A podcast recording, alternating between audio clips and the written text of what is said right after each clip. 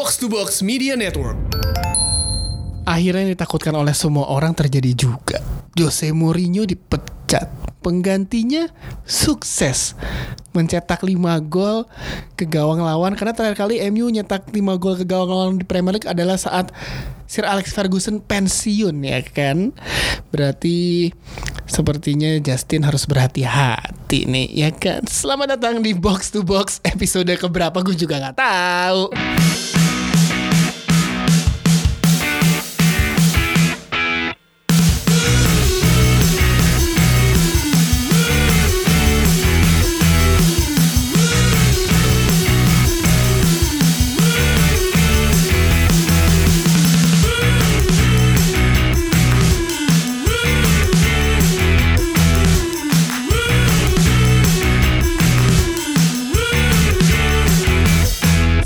Eh, hari Natal bagi yang merayakan. Eh, berarti kalau ini tayang Senin malam berarti malam Natal ya coach ya.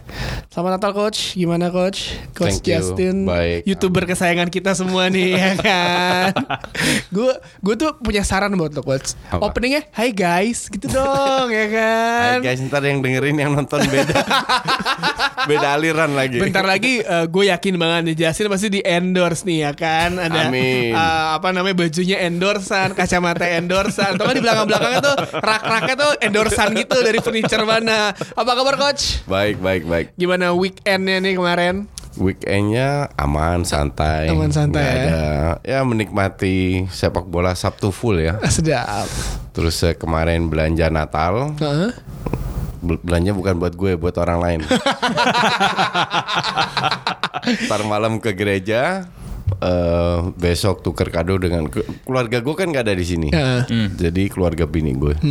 Jadi ya ritual tiap tahun. Oke, Kecuali- makan-makan gitu loh dengan Iya. Sama kayak lebaran lah nggak Iya, jauh iya, beda. iya. Sama, selamat Natal bagi Coach Justin dan selamat datang juga kepada Ranitya Alif yang menggantikan Pangeran Siaan yang sedang ada urusan keluarga. Gue agak kaget akhirnya Pange punya keluarga. Gue pikirnya cuma se- sebatang kara di dunia ini ya, ya kan. Eh, apa kabaran?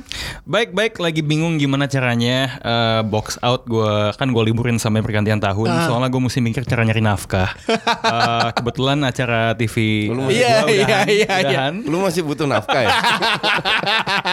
buat diri sendiri tapi bukan buat keluarga gitu. Oke, oke, terus. Um, Enggak sih fine fine aja Eh, lagi menikmati waktu libur sama sekalian juga akhirnya bisa nongol di box to box lagi karena kalian selalu di jam kerja uh, take-nya jadi gue nggak bisa gabung tapi akhirnya hari ini lagi cuti bersama bisa datang so I'm looking forward to have a fun show Thank you. Ada ada yang hilang nggak ketika show lu yang malam-malam itu nggak ada lagi? Lu berdua ada ada kehilangan gitu? Begadang malam-malam. Banget. Apalagi hari Kamis ya kan Banget, selesai banget. selesai siaran lu turun Nggak, ke klub yang di bawah lah. Karena gue harus terima kasih terhadap eh, terutama ESPN ya. Hmm, dulu ya. Ja- Jadi ini pertama kali gue diberi kesempatan untuk ya be myself. Nah, sedap. iya, ya, iya. ya. Nah da- berkat ini pun gue juga bisa masuk ke BIN kan. Iya, Ja- iya. Jadi gue benar-benar ber- berterima kasih terhadap eh, ESPN dan Net Soccer. Iya. Tapi sayangnya Iya. semua itu ada akhirnya. Cuman akhirnya ini agak ekstrim. Agak ekstrim ya. Ya sebenarnya karena keputusannya agak mendadak. Gue ini bukan Banget kuasa. mendadak. Ya, Keluarin aja, keluarin aja, keluarin, ini, keluarin, keluarin Ini- aja, keluarin. ini bukan kuasa gue untuk bilang kenapa udahan ya dan bukan cuma net soccer aja yang kena cuman yang ingin gue tekankan gue iseng-iseng ngecek komen banyak yang bilang ah ini karena ratingnya kecil ah ini karena acaranya mulai begini begitu 100% gue bisa bilang bukan Salah, ya. itu Bukan alasannya kenapa acaranya ditiadakan but I cannot say more than that Ya. Uh, sama halnya kayak coach mendadak banget sampai show terakhirnya itu nggak nggak kalau E ESPN FC itu waktu itu dikasih taunya sebulan lebih awal Iya. jadi masih ada Enggak episode- ESPN dua minggu. Oh, dua minggu. Iya, Tapi masih- oke lah. masih ada episode terakhir waktu itu ya Wong gua hari Rabu siaran dan itu masih nggak ada masalah. Iya. Tiba-tiba Jumat selesai. Gue inget banget soalnya uh, waktu itu di di green room ruang tunggunya tuh coach lumayan yang, yang kayak aduh gue down banget gitu sambil sambil sambil minum kopi waduh ini kenapa coach Justin melo banget tumben banget gitu itu dulu kalau yang ini jauh lebih dadakan lagi karena again nggak ada waktu untuk show terakhir di mana semua ngerti, hostnya se- semendadakan sesuatu, itu ya, ya. karena memang semuanya udah ada yang lagi cuti ada yang lagi di kerjaan lain jadi emang nggak ada waktu untuk melakukan itu cuman uh, from the bottom of my heart gue mau bilang terima kasih banget untuk segenap uh, kru net soccer tim produksinya, tim Iya, tim beritanya, em, semua apa host yang lain semua expert termasuk coach sama Mbak Gita ya eh, yang eh, ngajakin itu eksekutif produsernya eh, apa namanya divisi olahraga news. So uh, big shout out mudah-mudahan bisa ada acara seperti itu again di net karena menurut gua kalau lo bandingin apa pun yang mau lo bilang tentang ESPN FC dulu dan net soccer menurut gua kalau di TV eh, yang non berbayar Iya. ya nggak ada apa ya nggak ada komparasinya gitu loh. Nggak ada show di mana Iya, iya. coach bisa kayak coach di mana at least apalagi ketika zamannya ESPN ya gue senengnya sama acara itu adalah nggak ada acara yang nge-treat sepak bola dengan level uh, seriusnya. Lo ngomongin politik atau lo ngomongin ekonomi atau lo ngomongin isu-isu Yeah. penting lainnya. Nah nah itu hal yang kalau lo lihat uh, channel uh, lain di TV non berbayar uh, apa namanya um, ya udah acara highlight aja sih Kalian biasanya ngobrol cuma 2 menit habis itu iklannya 3 menit Yes. ya kan? Yes, kebanyakan. Ya apa pun itu lumayan saya juga pernah tampil 2 atau 3 Ya, kali. ya, ya, ya. Tio juga pernah. Tapi itu yang mau kita bahas karena di pekan kemarin lumayan seru banget nih liga-liga Eropa. Eh, Premier League ada kejutan terjadi, Eh, Serie A juga ada big match Liverpool eh sorry, Juventus lawan AS Roma. Terus di La Liga juga, tapi yang mau kita bahas duluan ini adalah eh, pertandingan antara Manchester City melawan Crystal Palace. Kemarin gua melihat Gue kira mau bahas Utrecht Ajax. Wah, itu mah spesial. Ntar bagian terakhir kok. Yes, Ini bagian go on, terakhir. go on, go itu on. bagian terakhir. Oke. Eh, City sama Crystal Palace. Eh, kejutan terjadi. Uh, Andros Townsend golnya buset ya kan dari luar kotak penalti. Eh seperti yang oh, kita kita kita pernah bahas coach ingat dulu? Eh, City itu bermasalah dengan eh, gelandang ya. Karena dia cuma punya gelandang bertahan murni itu cuma Fernandinho doang. Dan pemain belakang mereka tuh juga masih cranky banget kan. Eh, dan kemarin menurut gue agak ajaib karena gue ngelihat John Stones jadi gelandang bertahan ngelawan Crystal Palace. Dan di saat mereka lagi butuh poin untuk ngejar Liverpool untuk mepet Liverpool ternyata akhirnya mereka kalah dan membuat Liverpool yang menang 2-0 lawan Wolves itu eh, semakin semena-mena di papan atas. Menurut lu gimana coach? Gue rasa Pep kepedean ya, kepedean dalam arti dia terlalu percaya terhadap ka- kapasitas pemainnya. gue setuju apa yang lu bilang tadi. Jadi dengan gaya Pep bermain em, apa namanya mereka satu tergantung sangat tergantung oleh pemain tengah Oke. tidak hanya seorang DM tapi juga seorang eh, attacking midfield kalau gue bilang City punya tiga attacking midfield yang yang di di antara dua harus main Oke. yaitu David Silva dan Bernardo Silva dan Kevin De Bruyne. Hmm. Oke. Tapi kemarin dia menempatkan Gundogan. Gundogan untuk gue lebih cocok menjadi DM. Tapi dia menempatkan Gundogan sebagai kasarnya attacking midfield terus walaupun dia juga cetak gol ya Ya. tapi menempatkan DM John Stones itu yang gue agak aneh dan gue nggak ngerti tujuannya apa karena kan dia bermain 4-3-3 mungkin Stones lebih ke belakang membantu tiga center back dan lebih bermain lewat sayap. Iya. But anyway, sebenarnya kalau dibilang City jelek nggak jelek-jelek amat. Dia nyer- Ka- ka- nyerang kayak seperti Iya. biasa bermain seperti Iya, biasa. exactly. Jadi para netizen itu harus harus memisahkan antara berjalannya pertandingan dan skor. Iya. Kalau kita lihat dua gol pertama di mana mereka ketinggalan satu terus unggul 2-1 itu benar-benar jatuh dari langit. Seumur hidup si Townsend ini bikin gol kayak gitu cuman sekali. Dan dan nggak nggak akan lagi. Ya ini, Yeah. ini- inilah dramanya sepak bola bahwa lu nggak nggak harus bermain bagus tapi bisa cetak gol.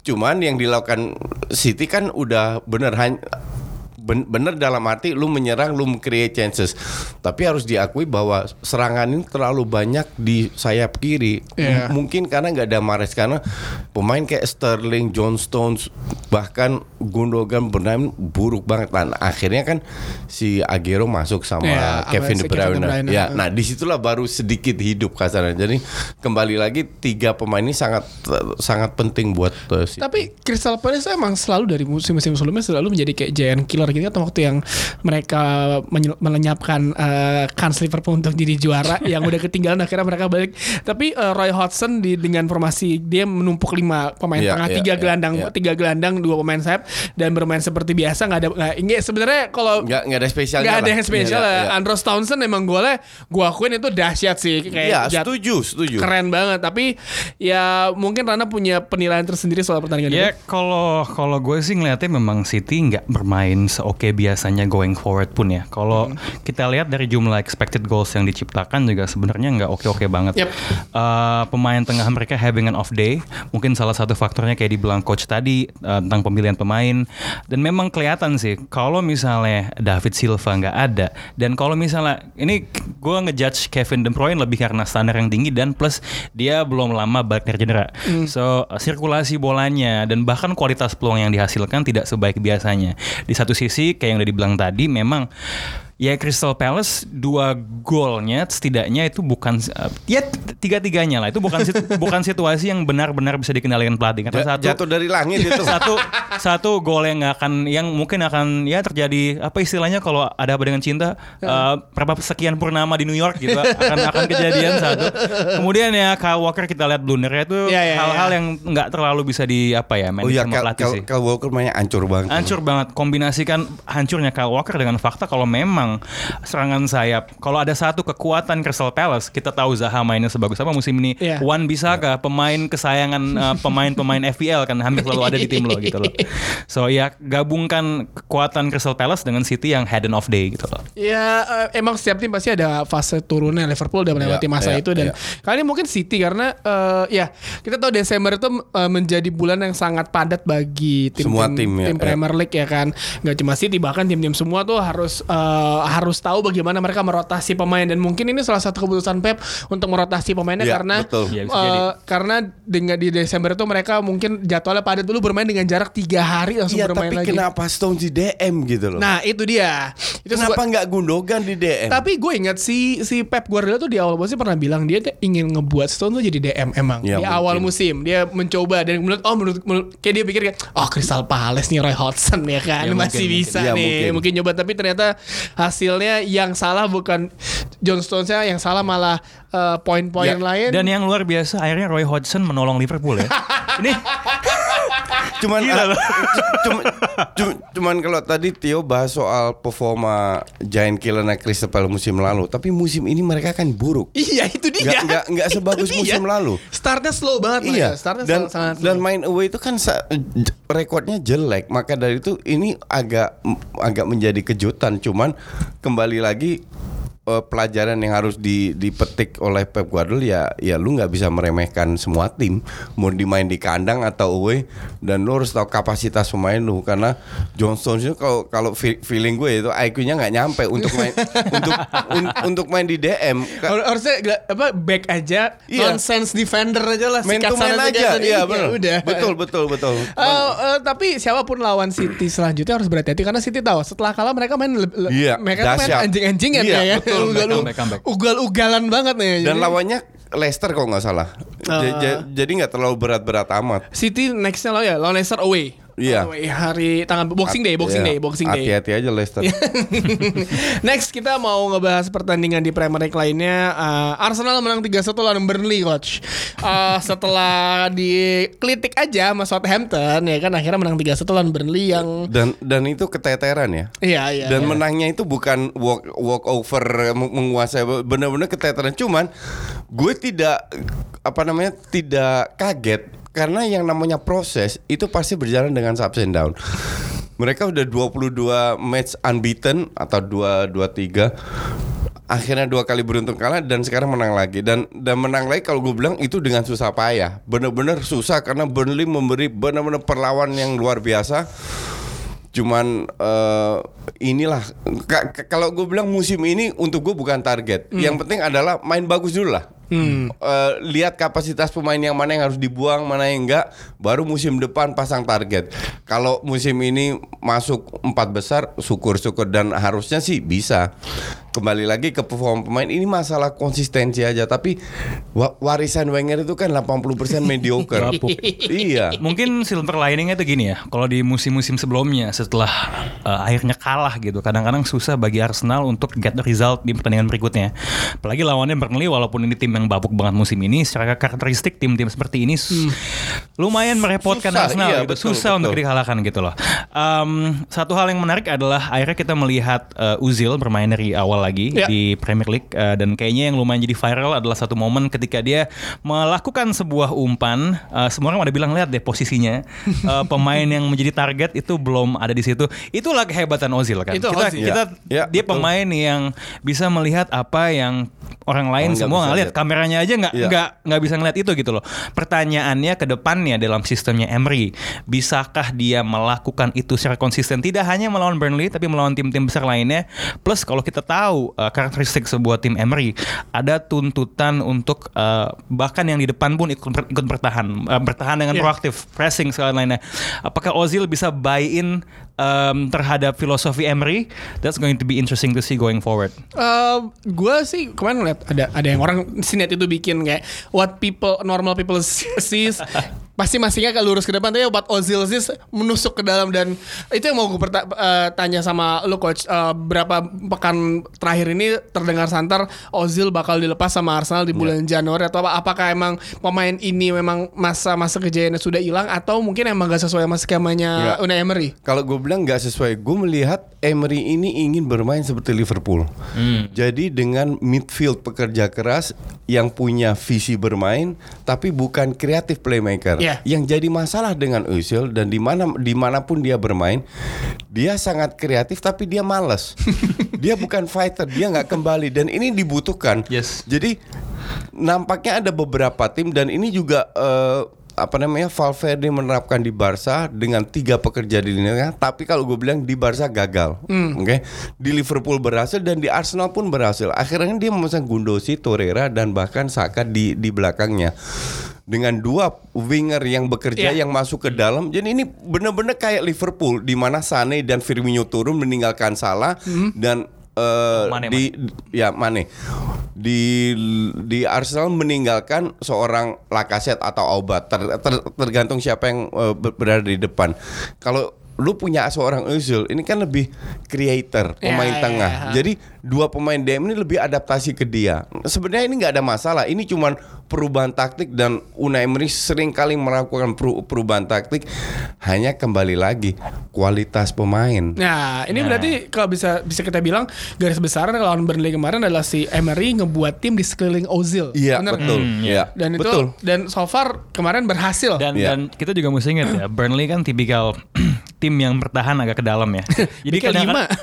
kadang kala lo butuh pemain yang bisa nge-unlock sebuah pertahanan seperti uh, siapa namanya Mesut Ozil, tapi apakah itu sustainable? Iya. Ketika melawan tim-tim yang lebih proaktif, yang lebih uh, menyerang, yang lebih berkualitas, that remains to be seen gitu loh. dan Iya. dan apa namanya menjual pemain itu kan bukan masalah bagus atau tidak banyak sekali pemain Cocok, dijual Ka- iya satu cocok kedua masalah financial eh, Nah, itu siapa yang gajinya paling gede? situation exactly Eh. Sekarang kalau lu jual Özil lu tambah sa- satu center back kan dia minta minta eh, empat pemain bertahan Hmm. atau wing back atau lu eh, beli du- lu lu lu bisa dapat dua winger lah Ya, yang, ba- yang muda ba- balikin Kieran Gibbs lah.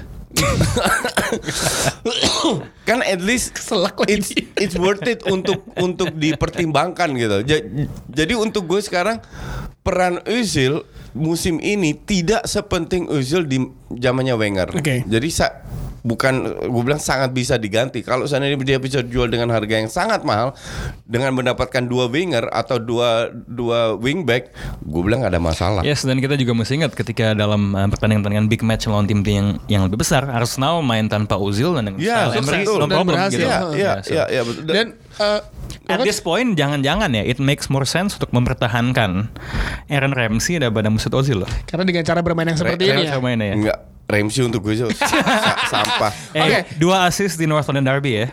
lu lu lihat lihat Liverpool pada saat mereka menjual Coutinho. Peran Coutinho waktu ada di Liverpool itu kayak Özil di Arsenal. Tiba-tiba klub bilang, "Oke, nggak ada masalah, 150 jual." It's a good deal. Untuk It's a good iya, deal, it's a good it's a deal. good deal. Untuk untuk orang yang bermain be- yang yang menggunakan lo- logika yang menggantikan Coutinho siapa? Kan Lalana. Satu-satunya yang kreatif kan kan Lalana. Tapi tidak dilakukan oleh Klopp. Kenapa? Karena dia sudah punya sistem bahwa dia akan bermain tanpa playmaker. Nah, di sinilah kasusnya tidak jauh beda dengan Özil. Dan eh, menurut kalian berdua kalaupun Ozil pindah, klub mana yang cocok untuk eh, menjadi rumah Ozil yang baru? Itali. Itali. Itali. Lo sama Ran? Ah, I guess lah. Enggak gue lagi gue lagi mikir dari uh, top of my head siapa ya klub klub yang butuh dia dan mau bayar gaji sebesar itu ya. Bukan klub aja tapi juga gaya bermain. Özil kan bukan bukan pekerja, bu- bukan kayak udah kayak Messi lah, cuman apa namanya? Kalau- ga- kalau- gaya bermainnya udah kayak Messi aja ke kehilangan bola Kalau santai. kita bilang tiba-tiba kayak Ozil tuker guling sama Isco. Wah, Hmm. gue Menarik, menarik, menarik. gue saweran, gue bantu. Gaji bin gue buat saweran. boleh, boleh, boleh, boleh. Oke, eh, setelah itu ada kejutan juga terjadi di Premier League. Eh, Chelsea kalah akhirnya Leicester di Stamford Bridge. Ya. Jamie Vardy, no Vardy, no party ya kan. Kayaknya ini minggu di mana tim-tim yang mendominasi ball possession kalau di kandang lawan tim-tim yang sangat bertahan ya. Iya. Kecuali MU. itu ntar kita bahas itu spesial itu bagian spesial karena gue tahu nih Jasin punya punya hi- punya hiburan sendiri.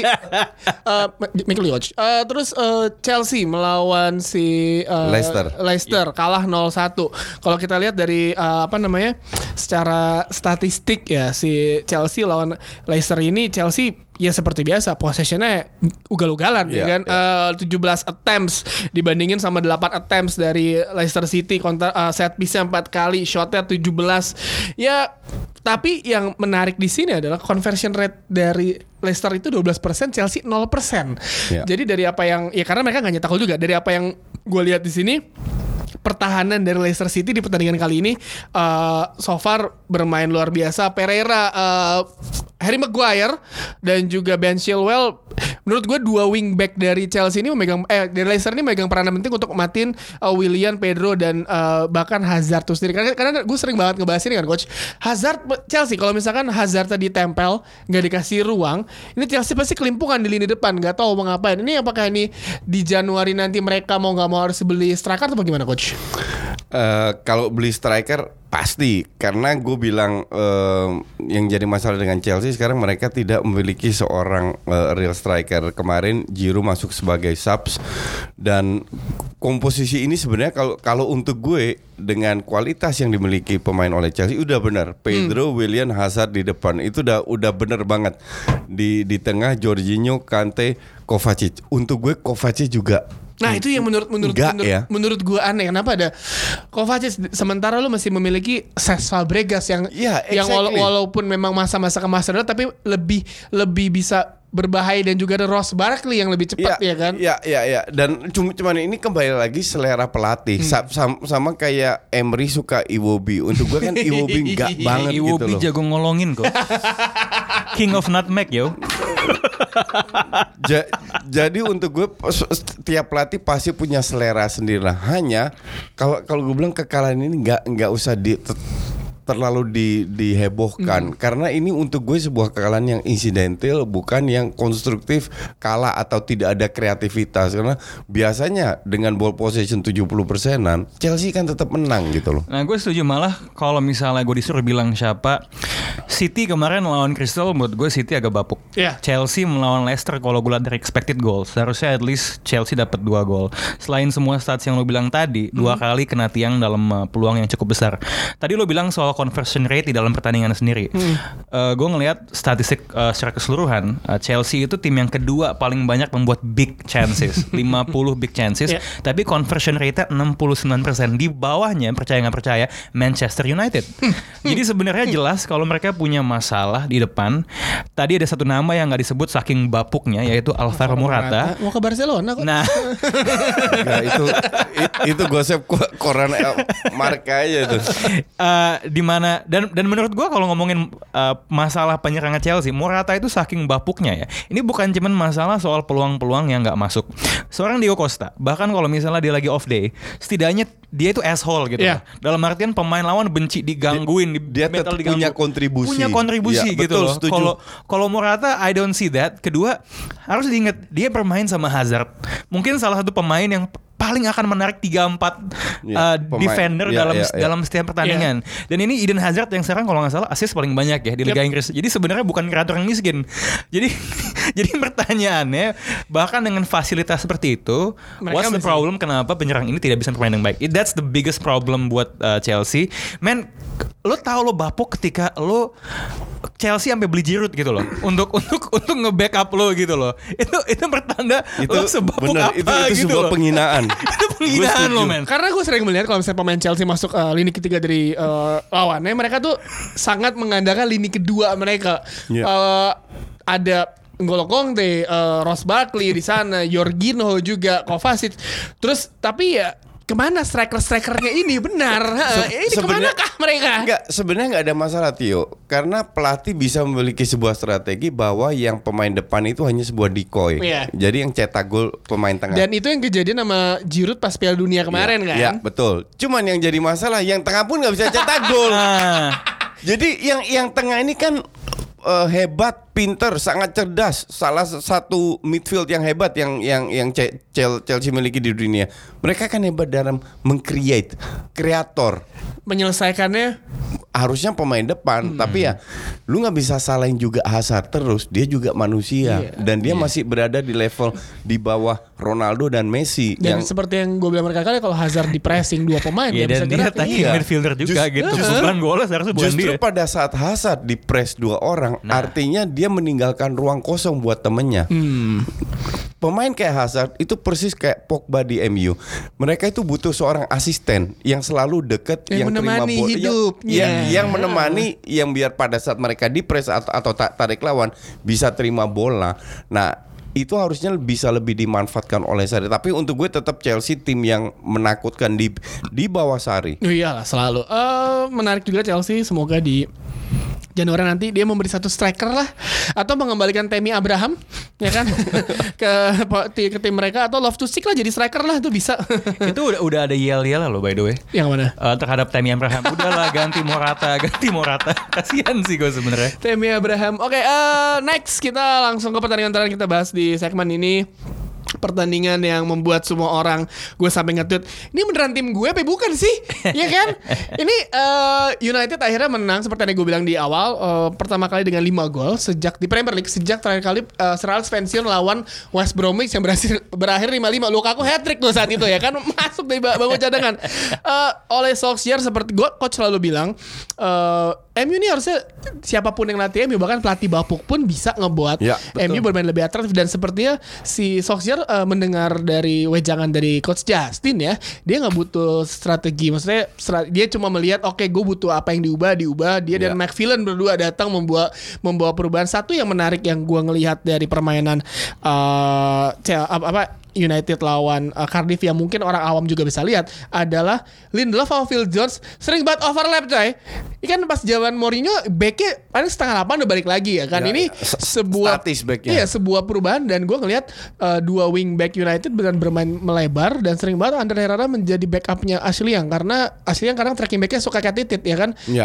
suka kayak anjing jadi ada masih ada Ander Herrera di situ jadi dan uh, namanya Matic udah lu bermain beneran di depan dua back sejajarnya untuk uh, ini apakah ini sebuah seharusnya yang dilakukan oleh pelatih kesayangan lu dulu coach itu yang ada di MU yang akhirnya Em, dicabut itu ja- jadi gue gue kan nggak nonton MU, gue nonton Barca. Tapi khusus ka- karena gue tahu karena gue tahu akan dibahas di sini, jadi gue khusus nonton highlights sekitar 15 menit Iya, yang, iya, yang iya, bagus. iya.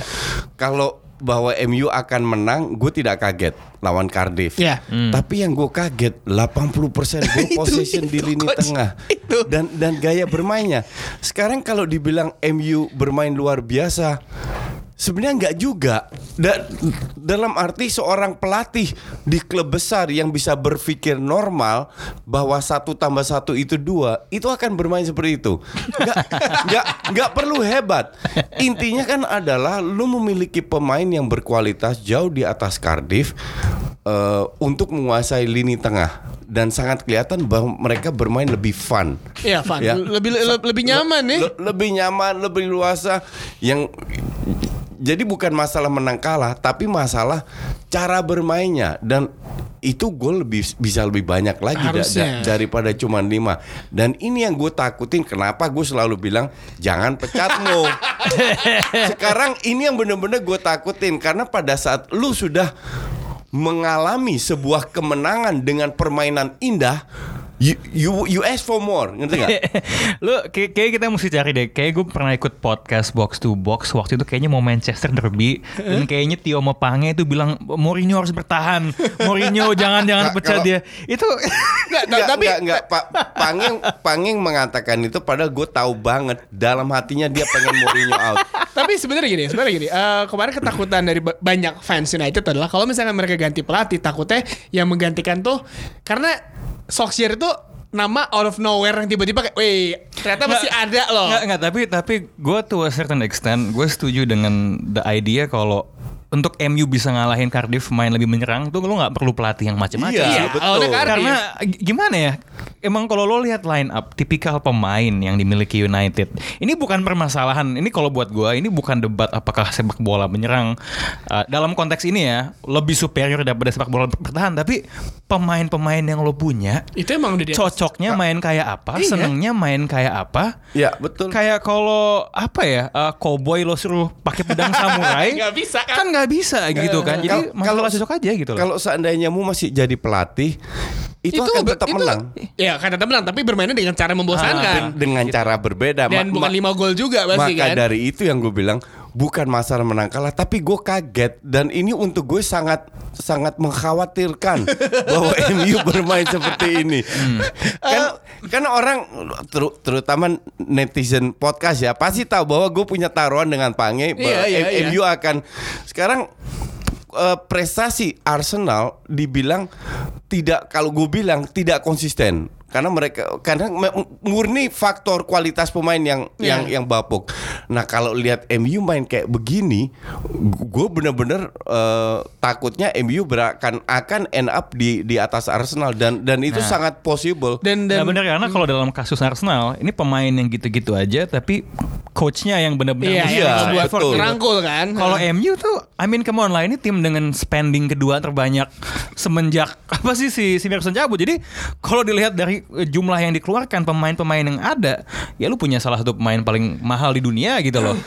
Asal bisa buy in ke pelatihnya maunya apa, Hmm. seharusnya sih bisa mengalahkan 80% 90% dan lawannya. dan dan dan gue mungkin eh, menambahkan juga maksudnya uh, Solskjaer tuh bukan soal soal pelatih apa bukan soal secara teknik atau skema ya gimana juga dia dia di awal dia masuk dia dapat message dari Rooney kok dibilang Ya, what's up? please balikin anak-anak main karena mereka mau main bola suka sama bola sepak bola fun dan lain-lain dia membutuhkan itu dan Ya. emang ke ya sekarang gini pe- pertama kali interview pertama Solskjaer uh, sama MU TV itu si Solskjaer tuh hafal semua kayak Jesse Lingard. Oh, gua tahu nih bocah waktu lawan Burnley uh, lawannya lebih gede dari dia, dia ngacak-ngacak.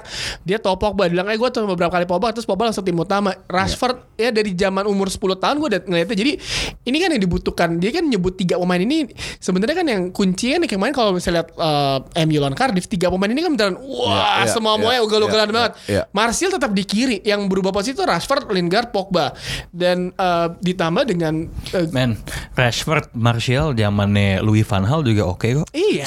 Iya. Ya, makan, makan players that, gitu. that, that's the problem. Jadi eh, ya gue juga kemarin ngeliat kayak ini beneran Manchester United nih. Dan plus dan plus yang mesti lo inget dalam periode Natal ini uh, fixture listnya MU lumayan enak nih. Ya, Newcastle, Huddersfield, uh, Huddersfield. sebelum tim-tim- ketemu ya. Spurs. Jadi sebenarnya ini ya bener kalau kata coach sama Rana bilang kayak siapa pun pelatihnya, uh, well even pun mau lawan Cardiff pasti mereka menang, tapi dengan cara main yang berbeda. Dan- Dan, dan Luis Mia pun juga oke. dan dan salah satu ke ketakutan dari dari fans MU atau mungkin ha- hatersnya kan bilang ya ini masih Cardiff belum belum ketemu tim besar. Gue yakin Justru itu nggak ada masalah. Nggak ada masalah. Nah, kalau gue bilang nggak nggak ada masalah. Dan si si si sorry gue potong si si Solskjaer pun bilang gua ke- ketemu siapa pun bakal main kayak gini Iya. juga. Jadi kayak main. In- intinya kan simple. Pada saat lu pada saat kiper pegang bola De Gea kan dia membangun serangan dari belakang, oke?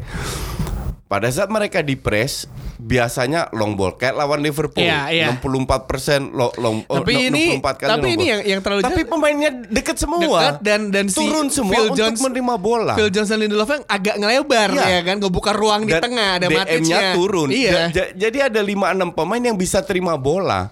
Jadi untuk gue kalaupun seandainya mereka di press dengan sama orang, kan di belakang ada tiga lawan tiga. Hmm. Lakukan long ball sekali-kali nggak ada masalah gitu loh. Jadi untuk untuk gue ini permainan yang seharus dimainkan yang dimainkan oleh 6 5 besar klub lainnya dan MU baru ikutan sekarang.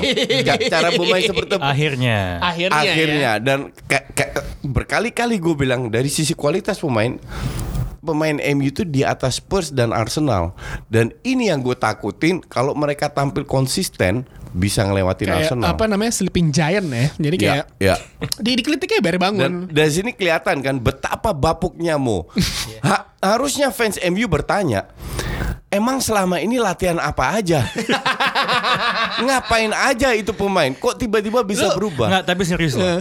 Skor 5-1 itu menurut gue tidak memberikan gue kesimpulan banyak tentang Ole atau MU, tapi betapa buruknya Mourinho loh. Iya iya semua orang semua orang langsung Iya, ngomong kayak itu- gitu kan eh.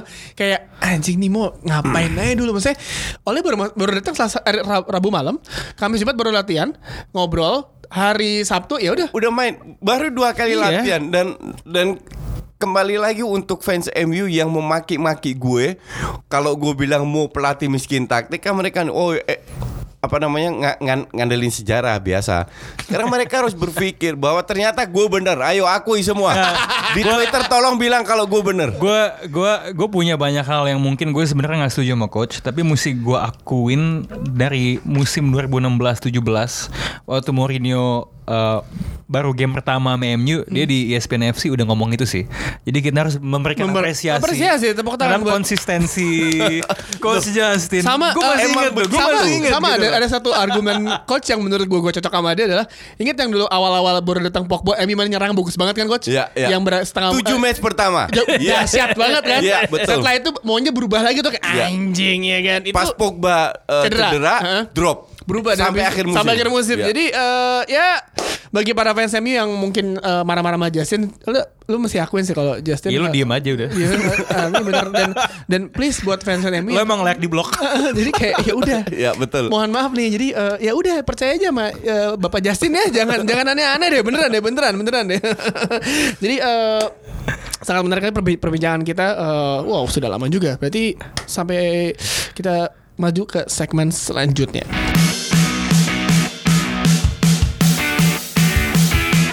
Sudahlah kita sudah tidak usah membahas United lagi karena nanti MU menang lagi ya kan. eh tapi gue seneng loh. Gue kadang-kadang suka lihat komen eh, box to box katanya eh, ini MU sentris. Tapi menurut gue cukup proporsional pembahasan hari ini. Nah, sebenarnya gini, gini nih, gue kenapa MU sentris? Karena ketika box to box di, di take ya kan, Yes.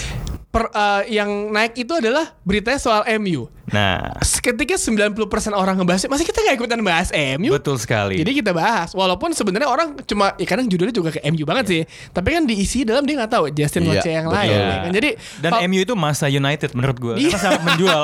Memang netizennya easily triggered gitu. Iya dan eh, yang yang fans MU sama hatersnya ya seneng ya kan lo kepancing dikit jadi lu dengerin sampai habis kalau yang sekarang nih kita profesional nih lo Iya. dengerin dengerin sampai habis karena di segmen kali ini kita nggak ngebahas MU Itu itu by the way trik klasik loh kalau di ESPN Soccer. Aduh anjing bingung gimana cara dapat reaksi ya. MU? Aja MU tai gitu. Eh, MU udah. sampah.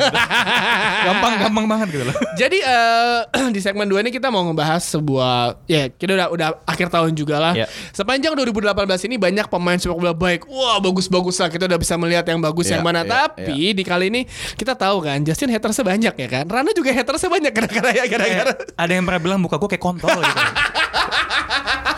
Nggak nggak ada komentator yang hatersnya lebih banyak dari gue. itu itu gue harus kasih Oke. praise to Justin. Eh, saatnya kita ngebahas 10 pemain terburuk tahun ini. Iya. dengan kita ngasih list kita rembukan ya lah gue juga belum buat list Rana sama Jesse masih bukan belum buat list ya kan Eh, kita nggak usah diurutin tapi 10 pemain ini Ba- ada bahas, bahas beberapa aja. beberapa aja Iya, iya. gue bisa ngasih gue mungkin akan memberikan beberapa nama Alexis Sanchez semenjak pindah dari MU setuju nggak agak Eh, ya. combro Iya, aja di bapuk, Ningrat ya, ya. mungkin karena Jo Mourinho juga pengaruh mau Dia juga dia bermain mulai dari Udinese ke Barca ke Arsenal Hmm. selalu memiliki peran penting, selalu kontribusinya benar kecuali di MU. Dan, dan dan untuk gue itu memang karena karena apa namanya gaya bermainnya muanya nggak jelas. Ya, dia kado perpisahan Arsene Wenger dia Ya, untuk ya, ya. uh, Manchester United. Gue gue sebenarnya agak kasihan sama dia karena kalau dilihat ya hari-hari terakhir dia di Arsenal tuh pertama kan dia di tahun di tahun lalu dia putus sama ceweknya. Kemu- uh, kayaknya kalau lihat dari video di Instagram mainnya sama anjing yang mulut dua tuh. iya iya iya iya dan, dan iya. kayaknya kalau lo lihat dia kehilangan banyak teman di Arsenal kan Iya, karena iya, membuat iya. suasana ruang ganti nggak enak gitu permasalahan mentalitas hmm, maybe yes maybe no di MU juga kayaknya juga dia nggak nggak nggak dikelilingi banyak teman sampai Hmm. kayaknya terakhir dia katanya aduh gue pingin cabut ke ke PSG gitu. Ya Hmm. ya ya we'll see lah. Cuman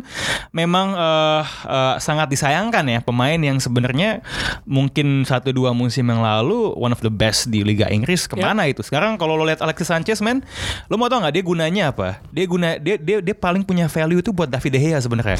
Da- David De Gea bila- bisa bilang ke MU eh lo tai ya lo bayar Alexis Sanchez 300 ribu pounds per week dan gua tidak gitu menurut gua dia jadi bargaining chip gitu loh buat Iya, De Gea iya, gitu. bisa, lo bisa, mau gue bertahan lo bayar gue semahal ini Justru kalau gue bilang ini ini karakter karakteristik betapa buruknya manajemen MU dan Iya. dan dan kalau buat lo Alexis Sanchez kalau gue buat gue salah satu ya Fred.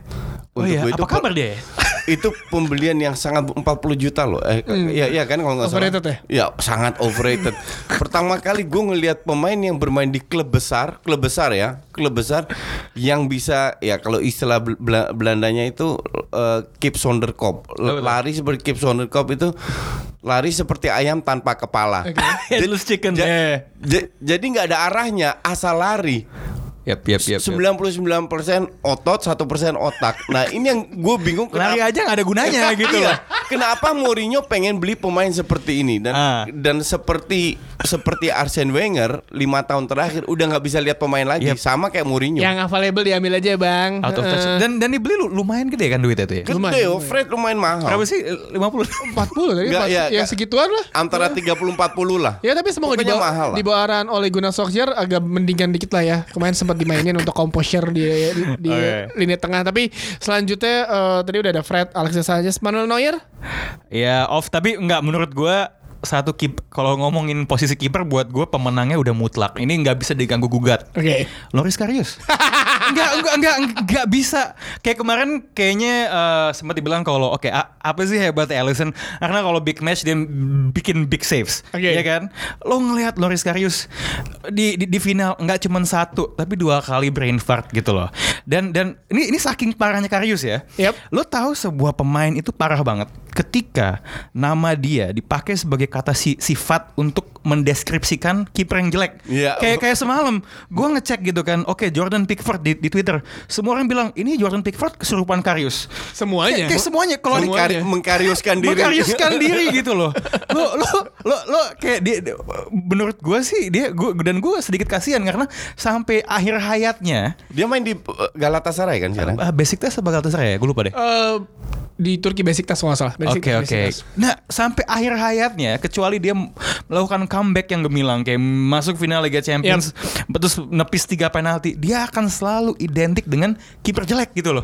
Gue kasihan banget sama dia. Pantesan basic tas drop sekarang. Iya, dan dan emang di di di, di basic tas pun ancur-ancuran. Aduh mainnya. gila kan gitu loh. Gue pernah lihat blundernya dia. gua- Iya ada ada ada ada Iya ada ada ada. Buset, ini ini orang memang ternyata bapuk, nggak nggak berubah, bukan kesalahan, bukan geger otak dan lain-lainnya. ini ini ini ini pelajaran ya. Ketika lo melihat sebuah kiper dari Jerman yang rambutnya pirang, yang sedikit memainkan bola dengan kakinya, belum tentu dia akan sama dengan Neuer dulu atau Ter Stegen gitu loh. Gue kadang kala gue punya sedikit kekhawatiran yang sama sama Leno sebenarnya. Iya, Tapi benar. mudah-mudahan nggak sampai sebegitunya ya. Tapi at least Leno melakukan banyak save.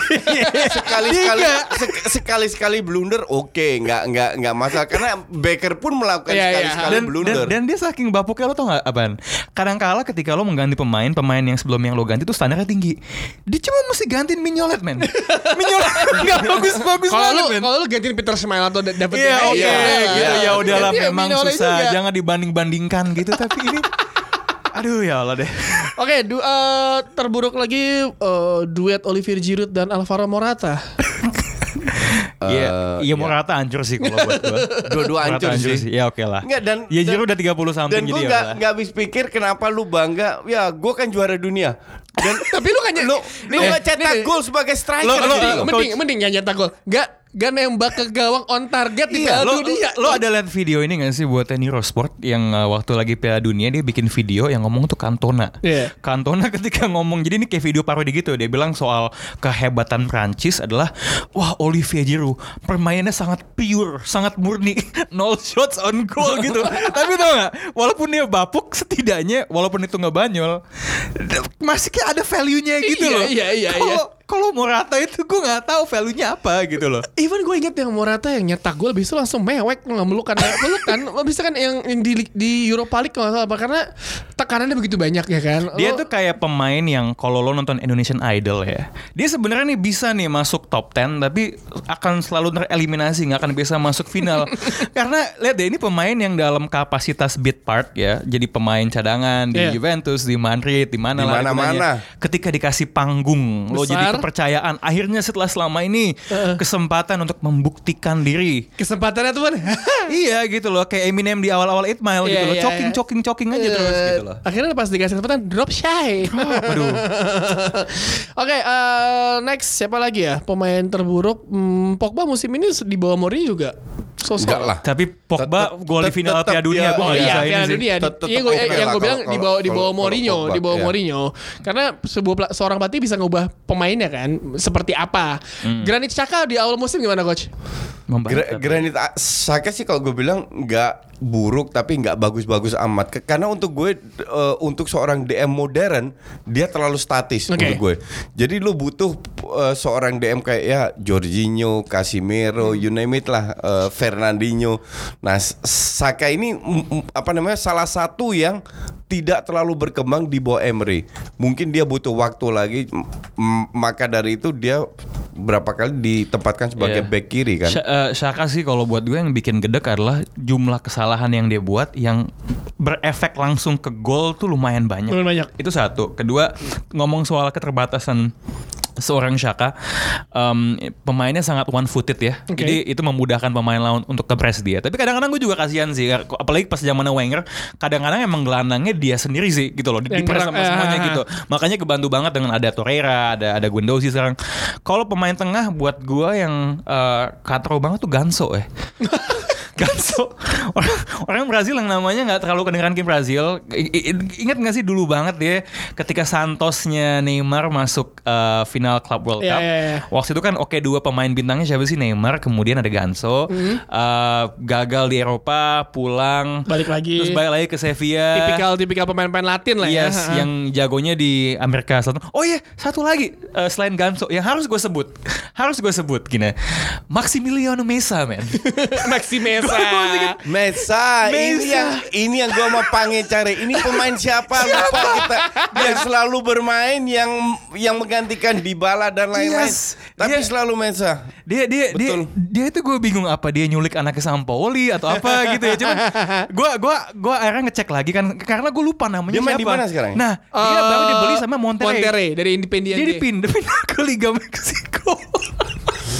Tapi masuk Gila timnas. loh. Eh, selain si Maxi Mesa yang menurut gua penampilannya musim ini setelah Piala Dunia, ya ini gua Iya, bilang setelah iya, periode iya, menurut iya. Luka Modric.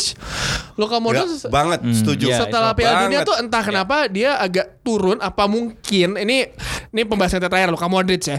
Apakah karena gas apa eh, bensinnya udah habis dimentok di final Piala Dunia, terus dia membutuhkan lagi recharge sampai akhir tahun ini atau gimana? Karena secara, secara statistik, statistik perbandingan Luka Modric di awal eh, enam bulan pertama di liga sama musim lalu tuh jauh banget beda, betul, jauh banget betul, bedanya. setuju maka dari itu gue tidak setuju dia dia menang Ballon d'Or Hmm. karena Ballon d'Or itu ber- berdasarkan dari Januari sampai Desember Ya. da- dalam jangka satu tahun. Hmm.